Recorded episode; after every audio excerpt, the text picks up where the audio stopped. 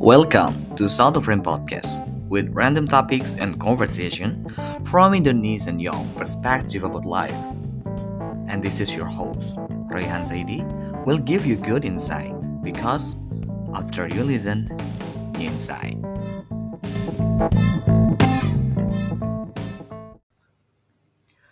Halo, gue Royhan, tuan rumah satu frame podcast. Jadi kali ini gue mengajak, bisa dibilang calon ibu dokter. Halo, Belva Nuriana Rosidea. Apa kabar hari ini? Halo, alhamdulillah baik. Rosidea ini marga apa gimana? Lu dari mana sih, Bel? Enggak sih, itu bukan marga ya, karena aku gadis Jawa, jadi itu Oh. enggak ada marga dari Jawa.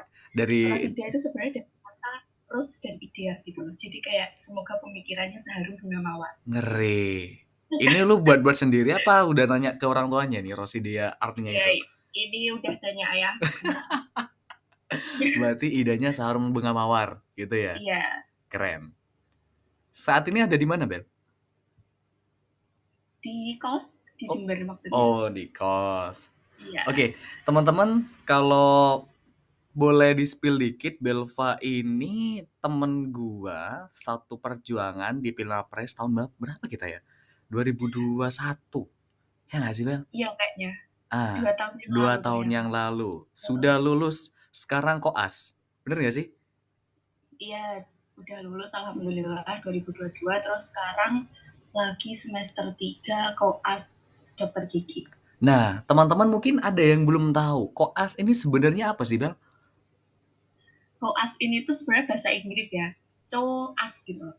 asisten gitu sebenarnya. Hmm, Nah, ini tuh kayak tahap setelah kamu lulus S1 kedokteran atau kedokteran gigi terus kamu harus lanjut profesi. Nah, profesinya itu namanya koas biar kamu dapat gelar yang di depan. Kalau cuma lulus S1 itu kan kalau kedokteran nanti gelarnya SKET gitu ya. Kalau kedokteran gigi SKG. Nah, itu kan belum jadi dokter tuh. hmm. Makanya harus eh, harus ngambil profesi dulu 2 tahun ya, sama-sama 2 tahun biar dapat gelar di depan, DR atau DRD gitu. Ah, berarti kalau lu sudah selesai koas bisa dibilang dokter gigi Belva Nuriana Rosidea? Iya, amin ya. Amin. Lu udah semester 3 berarti kurang lebih tahun ini terakhir dong? Iya, insya Allah ini semester 3, jalan semester 3, nanti semester depan semester 4 gitu. Semester 4 berarti sudah selesai itu, habis itu. Enggak, semester iya, semester 4 itu semester terakhir koas, habis itu sumpah dokter. Sumpah dokter. Habis disumpah resmi jadi Iya, dokter gigi. Iya, Oke, ini menarik ya. Karena gue gue belum pernah ngajak dokter. Oh pernah dulu yang Natasha. Tapi Natasha gue nggak obrolin tentang kesehatan. Nah saat ini gue ngajak Belva ngobrolin tentang bagian kesehatan di mahasiswa kesehatan gitu ya. Dokter Iya. gigi. Why you choose dentist gitu? Kenapa lu memilih untuk dokter gigi, Bel? Kenapa nggak yang lain? eh iya, ini tuh sebenarnya pertanyaan basic gitu ya. Orang-orang tuh kalau tahu aku dokter gigi itu selalu kayak yang, loh kenapa dokter gigi? Kenapa nggak dokter umum? Kayak seolah-olah pilihan dokter gigi itu aneh gitu loh. Kayak ngapain sih gigi? Kenapa nggak umum aja gitu Ah. kan?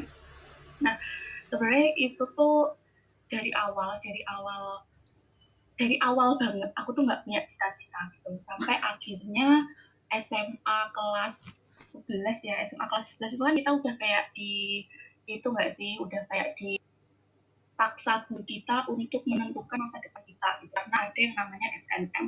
Zamannya kita kan masih SNM Iya. nggak sih, Roy? Iya. SNM, SBM gitu. Undangan ya? Heeh, karena kayak anak-anak yang kira-kira bakal masuk SNM itu harus sudah bisa memetakan dia itu akan ke mana gitu kan. Kalau kita dulu kelas 11 waktu itu aku belum punya cita-cita. Jadi terus aku ngerasa kayak kok aku hidup kayak gini gitu hidup kayak pokoknya aku bisa menjalani hari itu dengan sebaik-baiknya. Pokoknya aku di kelas itu setidaknya tiga besar kayak gitu dengan hidupku Ah. itu. Tapi aku tuh nggak tahu pengen ke mana sampai akhirnya aku tuh berdoa ke Allah kayak aku ngerasa gini selama ini aku tuh doa minta apa kok aku nggak jelas gitu bahkan aku nggak tahu cita-citaku. Terus akhirnya aku berdoa itu kayaknya ada eh, satu semester itu kayak aku tiap habis sholat cuma doa ya Allah beri aku petunjuk aku tuh baiknya gimana cita-citaku tuh apa? Hmm. jadi kamu berdoa minta cita-cita nggak kok berdoa pengen jadi ini itu nggak kamu pengen cita-cita. Terus habis itu eh aku tuh sering mimpi jadi dokter tapi itu aku nggak tahu itu tuh dokter apa gitu loh. Pokoknya jadi dokter aja. Ah. sedangkan kedokteran kan ada tiga tuh ya. Hmm. dokter umum dokter hewan sama dokter gigi. Nah aku nggak tahu itu tuh dokter apa. Terus habis itu aku tanyalah ke ibuku kalau dokter hewan gimana? Terus kata ibuku pokoknya jangan hewan. Pokoknya gitu. Terus habis itu eh sebenarnya jawaban dari doa itu kan keyakinan bukan Iya. cuma sekedar pilihan Kodarullah waktu itu aku yakin kalau emang jalanku itu di kesehatan gitu loh di kedokteran. Terus eh, waktu SNM karena aku termasuk golongan anak-anak yang milih kedokteran itu udah di akhir sedangkan SNM itu kan dipetakan ya. Misal kayak temanku seangkatan itu 10 yang pengen jadi dokter. Itu Hmm. udah dipetakan tuh kamu harus di univ ini univ ini univ ini biar semua itu keterima gitu loh. Usahanya ikhtiarnya itu biar semuanya itu, itu keterima nggak nggak numpuk di satu univ sedangkan aku kan baru tuh baru kayak tiba-tiba aku ke circle mereka yang pengen jadi dokter eh aku join dong aku juga pengen jadi dokter nih kayak gitu seolah-olah kayak gitu kan aku nggak berani dong ngambil tempatnya mereka Hmm. Terus waktu itu yang masih kosong tuh UGM sama UI dokterannya SNM. Terus aku milihnya UGM. Aku milih pilihan satu FKUGM, pilihan dua FKG UGM. Terus ternyata nggak keterima. Udah tuh sakit hati banget ya. SNM nggak keterima tuh kayak aku nggak siap-siap SBM. Ini SBM tinggal seminggu. Aku nggak belajar. Eh tiba-tiba ternyata aku nggak keterima gitu. Terus Hmm. habis itu aku ngebut belajar SBM SBM tuh aku daftarin tiga kan waktu itu zamannya kita tiga pilihan satu tetap FKUGM pilihan dua FK UNED FK Jember pilihan tiga ini hampir tak kosongi tapi temanku tuh bilang gini e, kenapa nggak FKG aja? FKG UNED bagus. Terus habis itu yang ngeklik FKG UNED itu sebenarnya temanku. Jadi Ah. aku bisa di FKG UNED ini karena tangan temanku yang usil Oke. jadi ya udah akhirnya aku di FKG sampai sekarang. Walaupun tetap ya karena itu pilihan tiga eh, sebagai manusia normal di awal-awal masuk itu kayak ya tak tinggal nggak ya tak tinggal nggak ya kayak gitu tapi pada akhirnya aku bertahan sampai sekarang gitu Pilihan tiga lu FKG cuy. Minta tolong. ya Minta tolong. itu Yang- kayak kebaikan itu masih kayak kebaikannya Allah banget gak sih kamu Betul. pilihan tiga loh dan kamu keterima gitu kayak Ah. seolah-olah Allah tuh udah bilang yo emang di sini jalanmu gitu loh Dan benar. Jalanmu Dan udah di benar. sini. Heeh. Nah. tapi itu hampir banget tak tinggal Kenapa lu eh, pengen meninggalkan FKG waktu itu? Ya selain pilihan ketiga ya? Ya, merasa tidak cocok gitu di awal? Eh, enggak juga sih. Apa ya? Karena kayak ngerasa aku tuh masih pengen di UGM aku masih pengen FKUGM Oh, I see. Terus eh, semester 2 itu teman-teman yang pengen pindah jurusan kan pada belajar SBM lagi tuh. Nah, aku juga tertrigger itu belajar belajar SBM eh semester 2 akhir ada break scholarship ada oke. beasiswa aku juga iseng daftar aku waktu itu gini kalau aku beasiswa ini keterima berarti emang jalan di sini terus semester tiga pengumuman eh ternyata aku keterima ya udah berarti jalan gue emang di sini di UNED di Jember di Berarti lu mencari validasi dari sisi istilahnya gue di sini kalau gue keterima ini. Iya kan? Istilahnya itu Iya. sebuah validasi yang meng, meng, menglok diri lo gitu. Berarti kalau nggak keterima di sini ya berarti gue bukan jalannya ini gitu. Oke, berarti sebelum gue nanya break scholarship ya, nanti gue pengen nanya. Lu pertama bilang waktu SMU tadi tidak punya cita-cita. Dan ternyata mimpi ini mimpinya dokter tapi tidak tahu nih dokternya yang mana di SNMPTN undangan ya teman-teman yang belum tahu SNMPTN jadi lu fokus di UGM dua-duanya ya nggak sih? FK sama ya UGM banyak iya FK FK abis itu lu coba di SBMPTN padahal itu waktunya mepet banget. Dan alhamdulillah lu keterima di pilihan ketiga FKG pilihan ketiganya nggak main-main coy sebenarnya FKG nah dan di waktu itu lu mencoba untuk meninggalkan karena mencoba ingin ke UGM gitu Heeh, Oh. karena kan waktu magetan ya magetan ke Jogja agak jauh Oh, agak dekat kalau di UGM. daripada daripada uh, daripada Magetan Jember. Oh, oke. Apa yang sebenarnya lu dapetin dari kisah lu terkait dengan Tuhan tuh memberikan jalan yang bisa dibilang terakhir? Iya nggak sih? Pilihan ketiga, jalan terakhir. Iya, Tapi ini adalah jalan yang terbaik yang Tuhan kasih ke lu, Bel. Gimana kenapa ini jalan yang terbaik? Kenapa aku yakin kalau ini jalan yang terbaik? Iya. Jadi tuh eh ya udah gitu, aku keterima di pilihan ketiga gitu ya. Sebenarnya waktu itu aku juga daftar STIS. STIS itu aku udah sampai di tes terakhir waktu sebelum tes pengumuman SBM. Cuma waktu itu aku tuh kayak nggak terlalu yakin gitu loh di STIS apa ya kayak nggak terlalu serak. Waktu itu aku berdoanya ya Allah semoga aku keterima di SBM aja. Semoga uh, semoga aku keterima di SBM aja di pilihan-pilihan di SBM itu dan semoga itu yang terbaik. Sebenarnya setiap berdoa sambil nunggu pengumuman SBM itu aku selalu minta yang terbaik gitu karena aku juga ada tis tis masih lanjut gitu sampai tes terakhir. Terus ternyata jawabannya adalah aku keterima di pilihan 3 SBM dan setisku di tahap terakhir itu nggak lolos gitu. Terus akhirnya ya udah tak jalani di FKG sampai dua semester itu yang aku pengen semester 3 nyoba SBM itu kan. Hmm. Nah itu tuh di situ aku ceritalah ke senior, salah satu seniorku aku bilang gimana ya mbak kalau misal aku nyoba SBM lagi, aku masih mau ngejar UGM gitu. Jangan-jangan Allah tuh cuma pengen lihat seberapa pengen aku, seberapa ikhtiarku buat wujudin itu. Jangan-jangan Allah pengen lihat itu lagi gitu kan. Terus habis itu uh, si seniorku ini bilang gini, emang IP kamu berapa? Gitu. Terus habis itu tak jawab IP aku sekian. Terus habis itu uh, mbaknya itu bilang gini intinya itu tentang kamu harus bisa bedain mana syukur dan mana ikhtiarmu yang kurang gitu kayak kamu IPK segitu itu kamu tuh nggak salah jurusan itu kamu cuma kurang syukur. Belum tentu loh kamu di sana itu bisa jadi yang lebih baik daripada kamu yang di sini. Dan That's kalimat right. itu tuh bikin aku mikir gitu loh. Oh iya ya di Jember itu aku kurang apa gitu. Dua semester aku di sini aku dapat lingkungan yang baik. Tuh. aku nggak ketinggalan kuliahku. Mm-mm. kuliahku aman-aman aja dan teman-temanku baik semua gitu loh. Kayak aku tuh ngejar apa kalau nggak cuma egoisme diriku sendiri. Betul. kayak gitu. Kan oh aku kufur waktu itu Tuhan nyadarkan lo melalui apa? Kalau lo waktu itu istilahnya tidak bersyukur dengan yang Tuhan kasih. lewat orang-orang di sekitarku yang menasihati aku itu kayak yang belum tentu loh kamu di sana jadi yang lebih baik daripada kamu kamu yang di sini itu satu itu membuat aku berpikir iya ya gitu loh kenapa sih aku masih masih mikir kalau apa yang belum aku dapetin itu bakal jadi yang lebih baik dari sekarang kenapa aku selalu mikir gitu kenapa aku nggak nggak pola pikir itu nggak tak rubah kayak yang seniorku tadi oh berarti aku di sini dengan kehidupan yang baik ini ya wes ini yang terbaik gitu That's right. Terus yang kedua yaitu ada kesempatan datang uh, tes beasiswa tadi yang break scholarship itu uh, ternyata aku juga lolos di tahap satu masuk ke tahap dua itu kayak yang udah udah petunjuk gitu juga sih. Oh. Dan lo adalah mahasiswa yang tidak biasa di Fakultas Kedokteran Gigi. Menjadi mahasiswa Biasa. berprestasi Fakultas Kedokteran Gigi tahun 2021.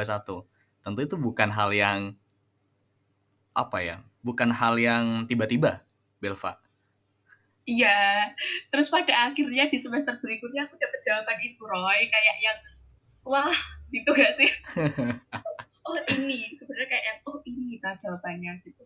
Uh, belum tentu lu di UGM jadi mau apres, Bel. Iyalah. Apa turning point lo ketika lo melihat bahwa ternyata Tuhan memberikan jalan yang mungkin menurut gue itu ini gue nggak di sini harusnya. Ternyata Tuhan memberikan yang gue butuh dan ternyata malah diberikan lebih nih. Beasiswa dapat beasiswa banyak pengalaman jadi mau apres gitu. Apa turning point lo? Uh, ini ya. Kembali lagi kalau sebagai muslim gitu ya kalau kita muslim kayak gitu tuh sebenarnya mengembalikan hidup ke Al-Quran itu ternyata jawaban hidup yang paling benar gitu. Hmm. Di Al-Quran itu juga udah sering dibilang kalau uh, kamu tuh bakal dapet yang terbaik menurutnya, bukan yang terbaik menurutmu itu satu. Hmm. Terus yang kedua kalau kamu bersyukur akan kutambahkan nikmatku, nikmatnya Allah akan ditambahin.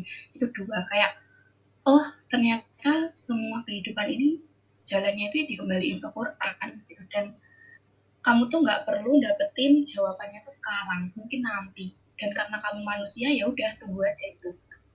Hmm.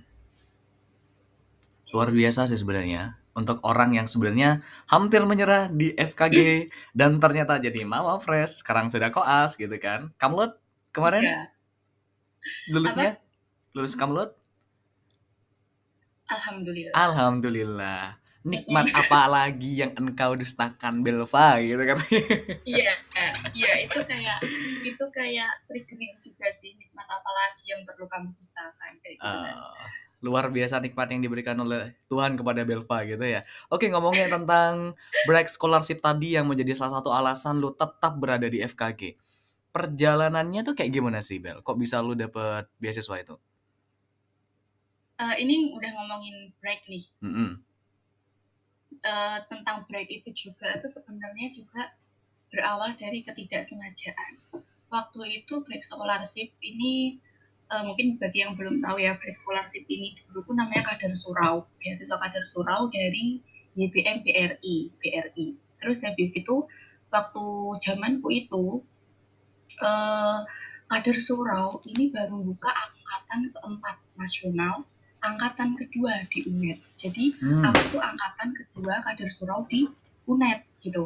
Oh. Terus karena aku masih angkatan kedua, sebenarnya ini tuh kayak promosinya tuh belum segencar sekarang gitu loh, Roy. Kayak yang tahu beasiswa kader surau itu masih sedikit orang. Kayak bener-bener masih sedikit orang waktu itu. Nah, termasuk aku, aku tuh nggak tahu karena aku nggak punya cutting SMA atau kenalan yang dia anak kader surau, anak break gitu. Hmm. Terus sampai suatu hari kan untuk untuk bisa daftar beasiswa ini itu harus pakai rekomendasi dosen kan. Hmm. Ini sebenarnya temanku, temanku ini yang dapat info dari cuttingnya SMA. Ada loh dek beasiswa beasiswa dari BRI namanya Kader Surau tahun ini buka yang buat cewek. Jadi waktu itu kan karena beasiswa ini modelnya di asrama, itu tiap tahun itu bukanya itu cuma satu jenis kelamin gitu loh. Oh, kayak tahun iya. lalu cowok berarti tahun itu cewek kayak gitu. Karena angkatan satunya di UNED itu yang diambil cowok angkatan duanya di angkatanku itu yang diambil cewek. Waktu itu temenku ini cewek pengen daftar itu karena dapet info dari kakak tingkatnya di SMA terus kan butuh rekomendasi dosen karena kita masih newbie tuh ma- masih maba semester 2 Hmm. dia tuh nggak berani kalau minta sendiri akhirnya dia ngajak aku ayo temenin aku minta rekomendasi buat daftar beasiswa terus Hmm. waktu itu aku gini masa aku nemenin doang kan lucu kalau aku juga nggak minta aku kan gitu ya Oh, I see. terus habis itu Lucu, lucu, lucu. terus habis itu kayak oh ya udah wes minta aja terus akhirnya kita ngadep berdua minta rekomendasi dosen kita daftarin itu dan kodarullah ternyata yang keterima malah aku jadi kayak kamu tuh akan sadar rezeki itu nggak akan ke mana itu saat itu Oke. Malah lu yang keterima ya, Bel. iya Temen lu nggak? yang keterima gitu Temen lu nggak? temanku nggak untungnya dia adalah perempuan baik yang kayak oh ya udah itu rezekimu Bel gitu Eh, tahu kalau dia jahat mungkin ya gara-gara lu Bel ikut. Peluangnya Iya, makin dikit nih. sih, mungkin gitu makin dikit lah peluang gue gitu. Oke, berarti ini salah satu hal yang juga menahan Belva tetap di FKG ya ternyata ya break Iya. scholarship. Ya, Berterima jadi itu kasih. kayak jalannya itu ya se eh, alur hidup yang diberikan Allah tuh ternyata semenarik itu gitu loh. Very interesting. I love it. I love your journey. But uh, so next journey after scholarship, gue teman lo satu perjuangan di Pilmapres. Tentu ini banyak banget mahasiswa-mahasiswa di luar sana pengen jadi mawapres. Mawapres Fakultas Kedokteran Gigi. Uh, ngeri nggak tuh? FKG nih bos gitu kan. Waduh. Kenapa lu pengen jadi Pilmapres? Ah sorry, mawapres waktu itu Ben. Apa nggak sengaja juga nih? Eh, bisa dibilang gitu ya, karena kan waktu Waduh. itu pandemi nggak sih Roy? pandemi Nah. 2020 betul 2021 kita 2021 ah, pandemi Heeh. masih Itu tuh seingatku emang kita tuh generasi pandemi jadi ah mawapres itu. Itu kan eh, kita kan libur tuh ya karena pandemi kayak eh, kuliah dari rumah gitu. Tapi si FKG ini walaupun pandemi kita tuh juga tetap masuk di skill lab di beberapa praktikum itu kita masuk jadi posisinya waktu itu aku di Jember sebenarnya waktu itu aku di Jember di asrama masih di beasiswa kan itu di asrama beasiswa. Eh ternyata ada pembukaan uh, pendaftaran ilmu apres. Terus waktu itu tuh aku tuh kayak ngerasa aku tuh juga nggak punya prestasi apa-apa sebenarnya Roy. Kayak apa iya? aku siapa gitu loh aku tuh siapa kok mau daftar gitu. Are you sure? Tahu aku tuh nggak daftar Roy. Aku nggak daftar sampai akhirnya uh, ada salah satu dosen yang menghubungi aku. Itu benar-benar detail buat aku. Kok Belva kok kamu nggak daftar? Sebenarnya coba coba gitu sih. Terus aku kayak mikir oh aku harus daftar ya. Terus aku akhirnya daftar. Kayak apa sih? Gitu.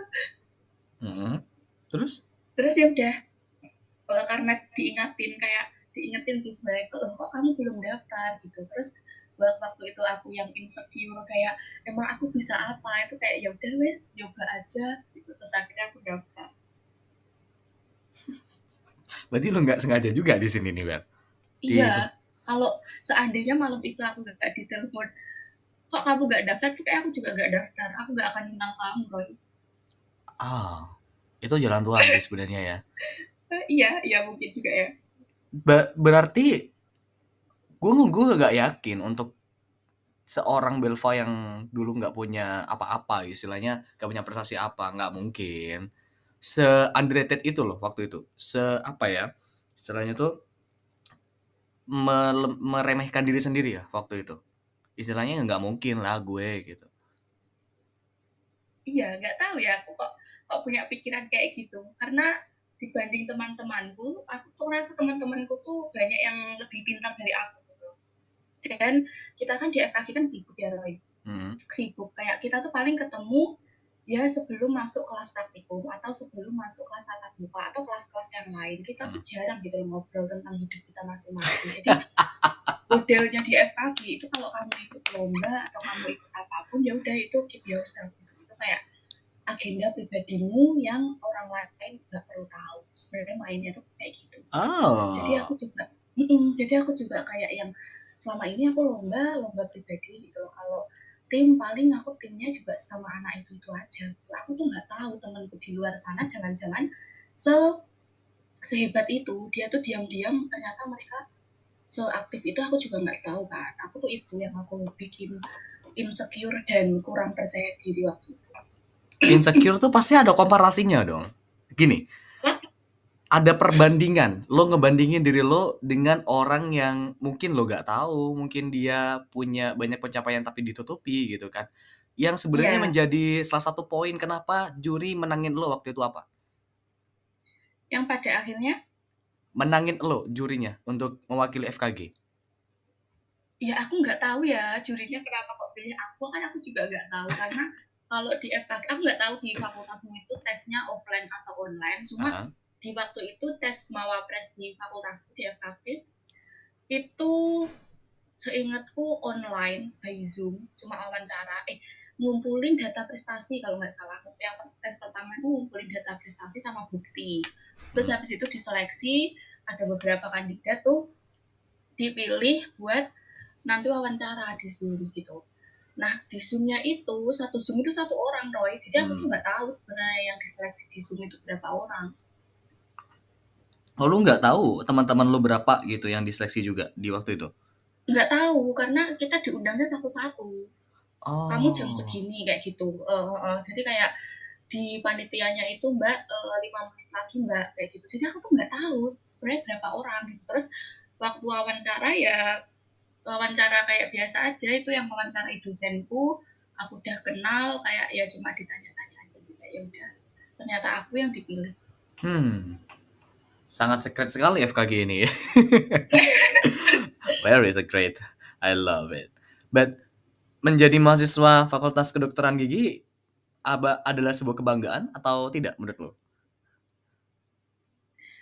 Uh, apa ya? Kalau aku mungkin lebih ke yang ya harus disyukuri gitu loh. Kalau bangga atau enggak, sebenarnya bangga itu ya bangga sewajarnya aja sih, bangga sewajarnya. Dan aku juga masih ngerasa sebenarnya teman-temanku juga nggak kalah hebat dari aku jadi ya udah disyukuri aja. Juga apa ya waktu aku kepilih jadi mawapres itu kan kalau di FKG ya kalau di FKG itu pengumuman mawapres itu diumumin waktu disnatalis. Waktu itu Oh. disnatalis diumumin mawapresnya tuh aku. Kamu tahu semua temanku seangkatan tuh kaget kok Bilva? Gitu loh, kok Bilva? Mereka ngechat aku waduh ternyata diam-diam mengerikan kayak gitu Roy. Kok Belva itu ada dua perspektif, cuy. Kok Belva, kok Belva itu ada dua perspektif. Satu, kok Belva kaget, kok Belva underrated, meremehkan. Yang lu yang lu tangkap dari teman-teman lu apa waktu itu? kalau gini yang mungkin yang banyak kaget itu temen yang nggak sekelas sama aku gitu loh nggak se jadi tuh di FKG itu kan ada kelas kecil ya namanya tutorial waktu itu Hmm. waktu masih S1 itu ada kelas kecil namanya tutorial itu kelas paling kecil. Jadi kelas diskusi bersama dan kita tuh kayak yang paling deket ya anak itu itu itu cuma 11 orang satu kelompok. Satu kelas itu cuma 11 orang itu teman kita diskusi.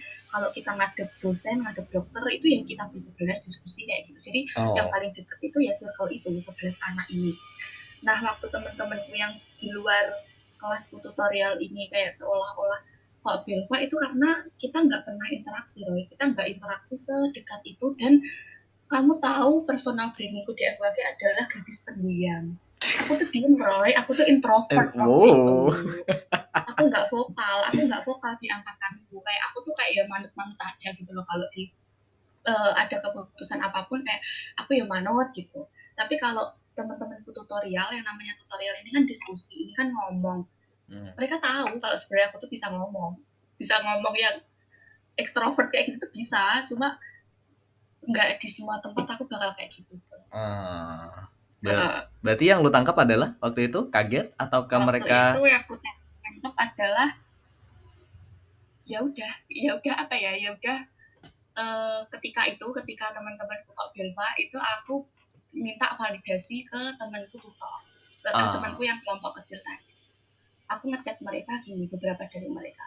Kalian kaget aku yang kepilih gitu. Terus mereka semua jawabnya enggak. Jadi waktu itu aku udah memvalidasi kalau aku tuh nggak salah dipilih. Karena orang terdekatku mikir aku juga nggak salah dipilih. Waktu itu eh, aku tuh nggak peduli sama penilaian orang lain. That's yang right. penting orang-orang terdekatku itu eh, udah yakin gitu loh Ray. Sejak dulu tuh aku kayak orang yang selama aku punya teman dekat yang mempercayai aku aku tuh nggak peduli orang lain nggak percaya atau gimana Oh, I love it. Heeh. terus ya udah itu Oh, oke teman-teman, gue pengen lebih jauh tahu cerita dari Belva habis ini. Jadi jangan ke mana-mana, tetap di.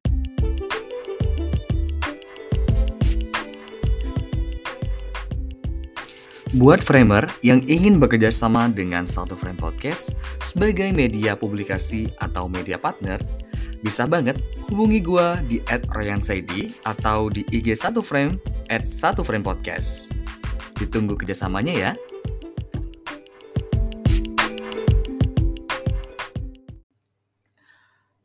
Oke, balik lagi bersama gue dan juga Belva. Jadi barusan gue tahu alasan kenapa Belva ikut Pilmapres ya ternyata nggak sengaja dan ternyata menang. Dan waktu itu respon dari teman-teman kok Belva gitu ya. Kok gue gue pengen nanya lagi di respon ini sih Bel.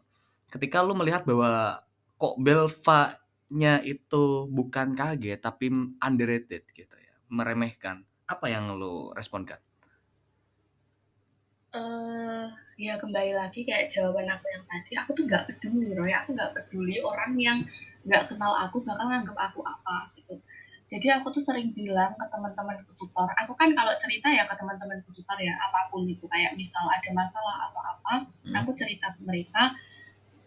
Eh tak ceritain gitu loh yang sebenarnya terjadi. Dan aku juga sering bilang ke mereka aku tuh nggak peduli kalau orang lain menilai aku apa ketika kalian percaya ke aku ya udah aku cukup kayak gitu.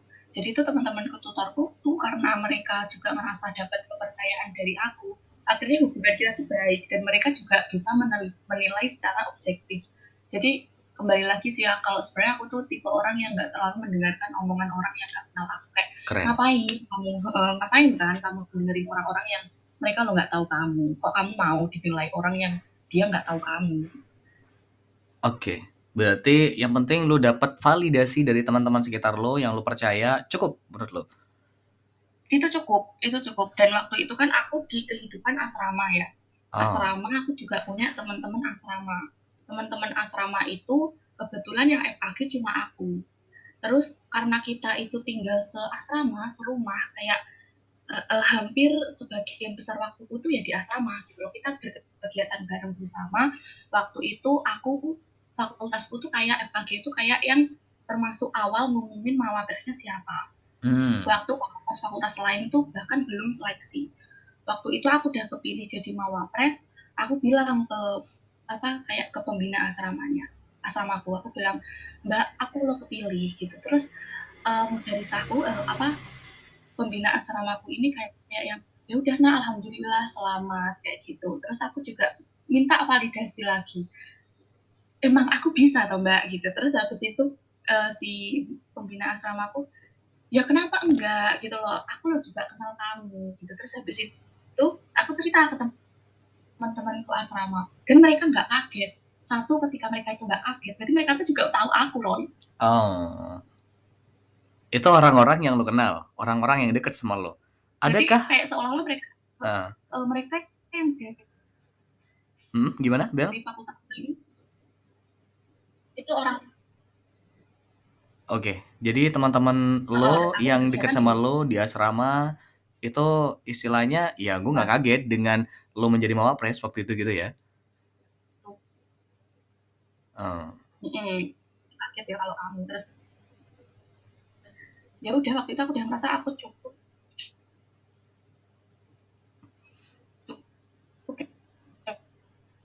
Dapat validasi Oke, eh, sorry buat teman-teman ya mungkin ini ada koneksi yang sedikit eh, tidak baik karena ini mungkin yang namanya ya teknis nggak teknis itu ya. Heeh. Gimana Bel? Sorry Bel, ini kayaknya internet gue lagi tidak baik. Buat teman-teman yang lagi dengerin suaranya Belva agak ceket-ceket, sorry ya. Oke, gue tanya lagi nih Bel. Jadi barusan eh, ada sebuah oke validasi dari teman-temannya bahwa ya gue nggak kaget dengan hal itu. Gue pengen tanya kalau seumpamanya di teman-teman yang tidak lo kenal, adakah yang istilahnya meremehkan lo Bel waktu itu? Eh, enggak ya sebenarnya itu nggak meremehkan cuma kaget itu wajar ketika kamu tuh nggak menonjol sebenarnya ketika kamu nggak vokal di angkatanmu terus mereka kaget itu aku benar-benar mewajari itu aku mewajari ketika mereka kaget dan aku juga nggak menilai itu tuh merendahkan itu enggak Tapi lu represent mereka di tingkat univ loh Bel sebenarnya. Mereka merasa oke-oke aja waktu itu karena lu tidak itu karena lu tidak vokal gitu loh Bel istilahnya. mm, mm, mm.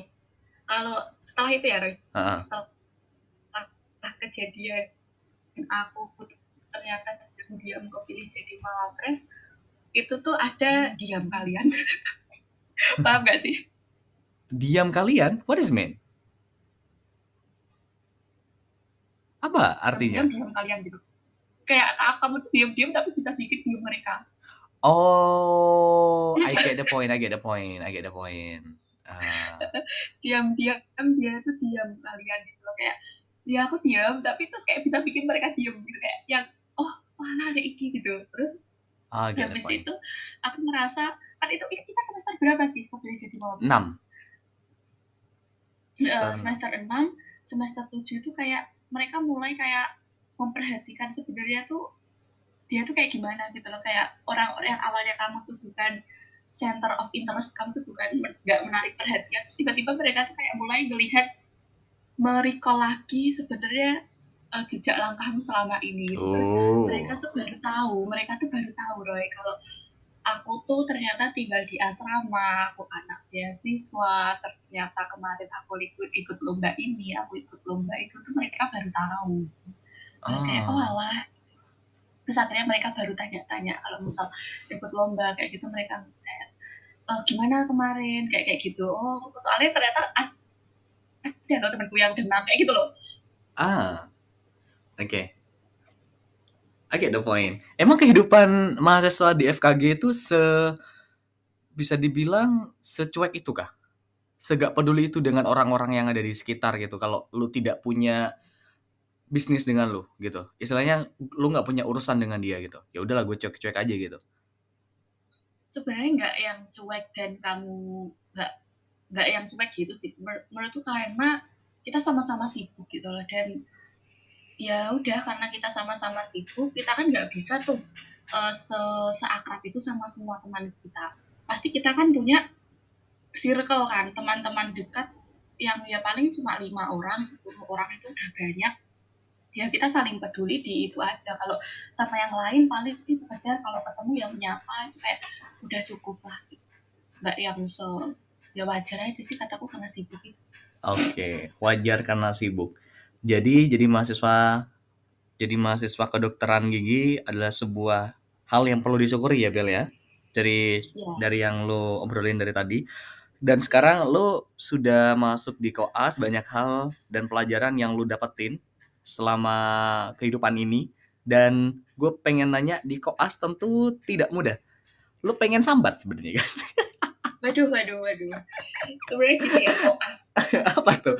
Ah, waktu aku eh, waktu aku masih preklinik masih S1 tuh melihat kating-kating koas tuh kayak wah keren gitu loh ya. Wah keren mbak.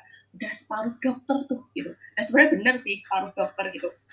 Tapi ya belum dokter. Gitu. terus habis itu ketika menjalani kehidupan ini sendiri gitu ya menjalani koas merasakan koas itu yang kayak gimana ya ternyata wow sestruggle ini Apa struggle-nya ya di koas rahasia sebenarnya Bel? udah gak rahasia sebenarnya Roy kalau koas itu struggle Apa struggle-nya? eh, gini ya kalau di ya pokok ya sebenarnya itu gini kan semua semua pilihan hidupmu apa pun pekerjaanmu itu kan punya struggle-nya masing-masing. Mm-mm. nggak harus kamu dokter kamu baru struggle kayak itu tuh enggak ya semua punya struggle-nya masing-masing tapi kalau di koas gitu kita kan baru lulus tuh baru lulus S1 baru sarjana terus habis itu euforia euforia itu kayak sebentar banget terus habis itu kamu dihadang dihadang oleh tanggung jawab tanggung jawab koas kalau di koas kedokteran umum itu mungkin struggle-nya kayak jaga ya jaga di rumah sakit gak kenal waktu seharian kayak kayak gitu kalau koas di FKG di kedokteran gigi itu yang jelas struggle pertamanya adalah Cari orang. nyari pasien sendiri. Oh. Ya, ya, ya, ya. Jadi nggak semuanya orang juga punya penyakit yang yang sama ya di bagian giginya ya. Mm-mm. Ya itu Oke. sih struggle-nya yang paling kerasa itu nyari pasien sendiri. Berarti lu Eh, berarti lu harus harus ini, Bel. Istilahnya misal pasien bagian ini tuh harus ada semua gitu. Ba- Iya, penyakit iya. ini, penyakit ini, penyakit ini gitu. Oh ya. Lumayan tuh. kita tuh kan tiap semester kan ada ini ya, ada kayak tiap tiap tiap bagian. Jadi kan dibagi di koas itu kan dibagi tiap bagian gitu. Kayak misal bagian cabut, bagian tembel dan kayak kayak gitu. Nah cabut itu juga ada kriterianya harus cabut gigi ini gitu. Tambal itu juga ada kriterianya harus tambal gigi yang begini. Ya itu kan yang susah tuh. Kita kan nyari Oh. itu. Nah terus nggak semua orang, nggak semua orang di Indonesia itu aware Yes. sama ke- sama kesehatan giginya karena Betul.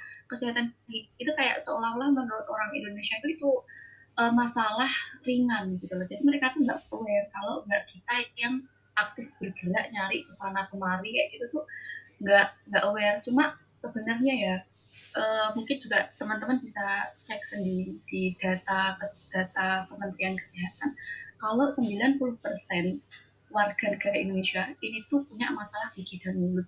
Dan aku dan aku membenarkan itu karena sebenarnya semua orang itu punya masalah gigi dan mulut Roy. Mm-mm. cuma mereka peduli atau enggak itu. Jadi kalau masalah pasien itu sebenarnya kamu tuh bakal dapat bakal dapat bakal ada gitu. Cuma ya itu tadi orangnya itu aktif nggak aktif aktif untuk memeriksakan kesehatannya atau enggak kayak gitu.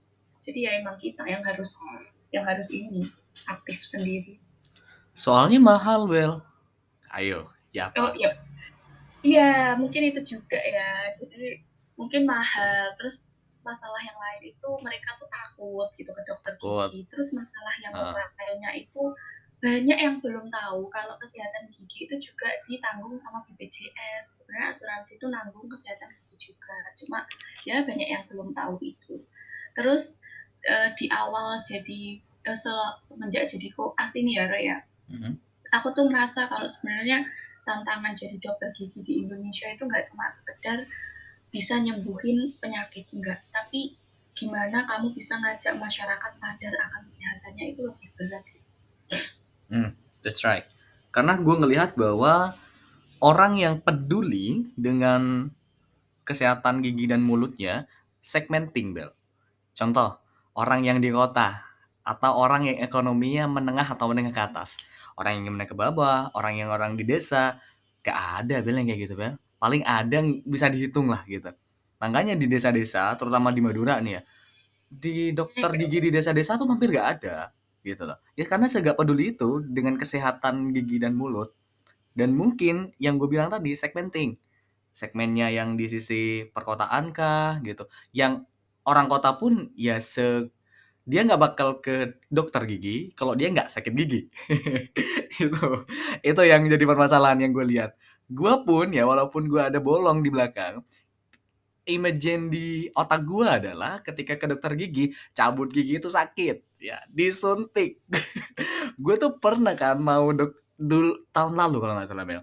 Ada mbak-mbak di FKG juga nawarin gue cabut gigi cabut gigi. Ya bang nggak apa-apa karena gue gue ingetnya gue gue sering bilang gini ke diri gue sendiri waktu gue sakit gigi ya gue pengen cabut tuh gigi gitu kan. Ketika ada kesempatan gue pengen cabut tuh gitu kan. Jadi gue pengen cabut. Nah ada gratisan kan kan gratisan waktu itu. Pas mbaknya bilang gini eh tapi nanti disuntik mas. Hah? Apanya disuntik? Apa sih namanya eh, di bawahnya itu? Apa ya namanya itu kayak di bawahnya gigi itu apa bel namanya bel eh Gusi. gusinya. Gusinya yang disuntik. Waduh habis itu langsung nggak mau gue gusi disuntik kayak kayak mana kata saya gitu. Ketika lu ngelihat kasus-kasus yang kayak gitu apa yang sebenarnya lu harus lakukan bel Ya ini sih kataku tuh emang eh, sosialisasi kesehatan gigi itu barangkali emang belum menyeluruh ya, belum menyentuh seluruh lapisan masyarakat. Dan ini emang menjadi tantangan tantangan buat aku, buat kita, buat kita calon-calon dokter gigi dan dokter gigi masa depan dan juga pemerintah ya buat buat mewujudin ini. Sebenarnya kan salah satu agenda SDGs itu juga Indonesia tanpa karies kan, karies itu gigi bolong. Nah, Hmm. sebenarnya itu tuh target gitu, tapi ya nyatanya sampai sekarang eh, kayak seolah-olah itu masih banyak gitu loh kasusnya. Dan itu memang itu tantangan sih Roy. Kataku itu tantangan buat kita ke depannya gimana. Kalau aku eh, setiap kali nyari pasien itu mesti diawali dengan sosialisasi tentang ya kayak meyakinkan mereka kalau nanti cabut itu waktu dicabutnya nggak sakit yang sakit itu waktu disuntik. Dan itu juga sebenarnya nggak lama kan sakitnya tuh. Ya Oh, kayak iya. disuntik biasa kayak gitu. Terus ya itu sih sebenarnya tuh mereka tuh mau loh mendengarkan kalau seiring perjalananku sekarang tuh ya. Sebenarnya mereka tuh mau mendengarkan dan mereka tuh interest. Setiap kali kita datang tuh kayak mereka tanya-tanya iya mbak gini gini gini gitu anakku gini oh, kayak gitu. Menceritakan itu mereka tuh mau. Jadi dengan itu dengan pengalaman-pengalaman itu menurutku mereka tuh kurang ruang. Kurang ruang untuk menjangkau gimana dapat informasi yang benar kayak gitu. Terlalu banyak rumor di masyarakat. Misal kayak mencabut gigi atas bisa membuat buta. Nah ini tuh banyak nih yang kayak gitu. Terus ya udah sih kataku tuh itu kayak kurang ruang untuk mereka mendapat informasi yang benar terus ya Roy ini ini fun fact Hmm, aku kan dulu introvert tuh hmm. semenjak koas semenjak koas ini aku kemarin tes MBTI kamu Hmm. tahu aku apa sekarang Extrovert. extrovert Oh. apa lu? Apa MBTI lu? Apa? MBTI lu apa? sekarang Heeh. ENFP ENFP. Oh, beda. Kamu Gua apa gua ESTP. Hmm. oh Hmm. Loh Oke, berarti dari extrovert introvert tuh bisa berubah-berubah memang ya. Kalau Iya. yang awalnya kita introvert ya mungkin kita bisa ekstrovert karena keadaan yang menuntut kita untuk terus bersosialisasi dengan orang lain, ngomong dengan orang lain. Dokter itu kalau nggak ngomong ini bingung jadinya. Iya, Harus ngomong ya Bel ya. Oke, berarti lu koas habis ini hampir kelar ya? Hampir kelar sebenarnya. Ya, insya Allah. Amin. Target setelah koas apa Bel? Nikah kah? Seperti teman Waduh, kita? waduh, Apa hmm, apa tunangan kah? Nggak tahu ya kalau itu. Katanya katanya Kalau lu pengen lu gue inget. Wait wait a minute. Gue inget lu pernah bilang umur 23 nikah waktu kita ketemu waktu itu sama teman-teman. Ya nggak sih? 23 nggak sih? 23 tahun lu Eh, nikah. eh. Aku udah tiga sekarang. Iya, berarti kan tahun ini lo harus nikah dong. Em, hilalnya ini loh belum nampak sampai saat ini. Makanya nyari, Bel. oh, cewek gaulnya nyari. Waduh, waduh. Cewek tuh menunggu ya. Oke, berarti target setelah koas menunggu hilal dulu. Habis itu apa?